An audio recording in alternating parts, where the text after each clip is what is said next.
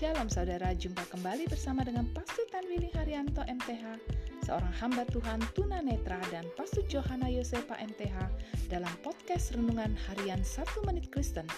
Di dalam podcast ini, kami membagikan kebenaran dari Alkitab yang dimulai dari kitab kejadian sampai kitab Wahyu. Selamat menikmati.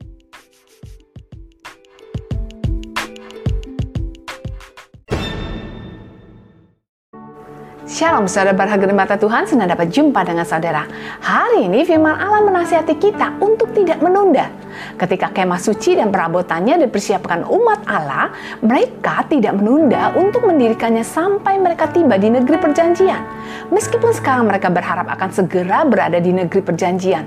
Karena itu dalam ketaatan pada kehendak Allah, sementara mereka berada di padang gurun, mereka mendirikan kemah suci di tengah-tengah perkemahan mereka. Saudaraku, ketahuilah bahwa Allah rindu di antara kita dan Allah terbangun suatu persekutuan yang indah. Apakah saudara rindu memiliki persekutuan yang indah dengan Allah? Terkadang karena kesibukan di dalam rumah tangga, pekerjaan, dan usaha kita, kita menunda persekutuan dengan Allah.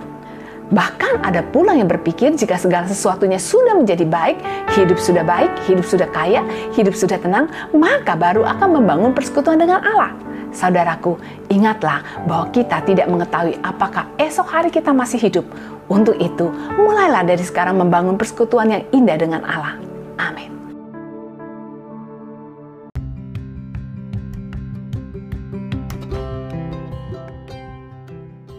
Terima kasih saudara telah mengikuti podcast Renungan Harian 1 Menit Kristen. Doa kami, kiranya kebenaran yang saudara terima akan membuat saudara semakin berakar di dalam Tuhan dan bertumbuh dan berbuah lebat di dalam Tuhan. Tuhan Yesus memberkati.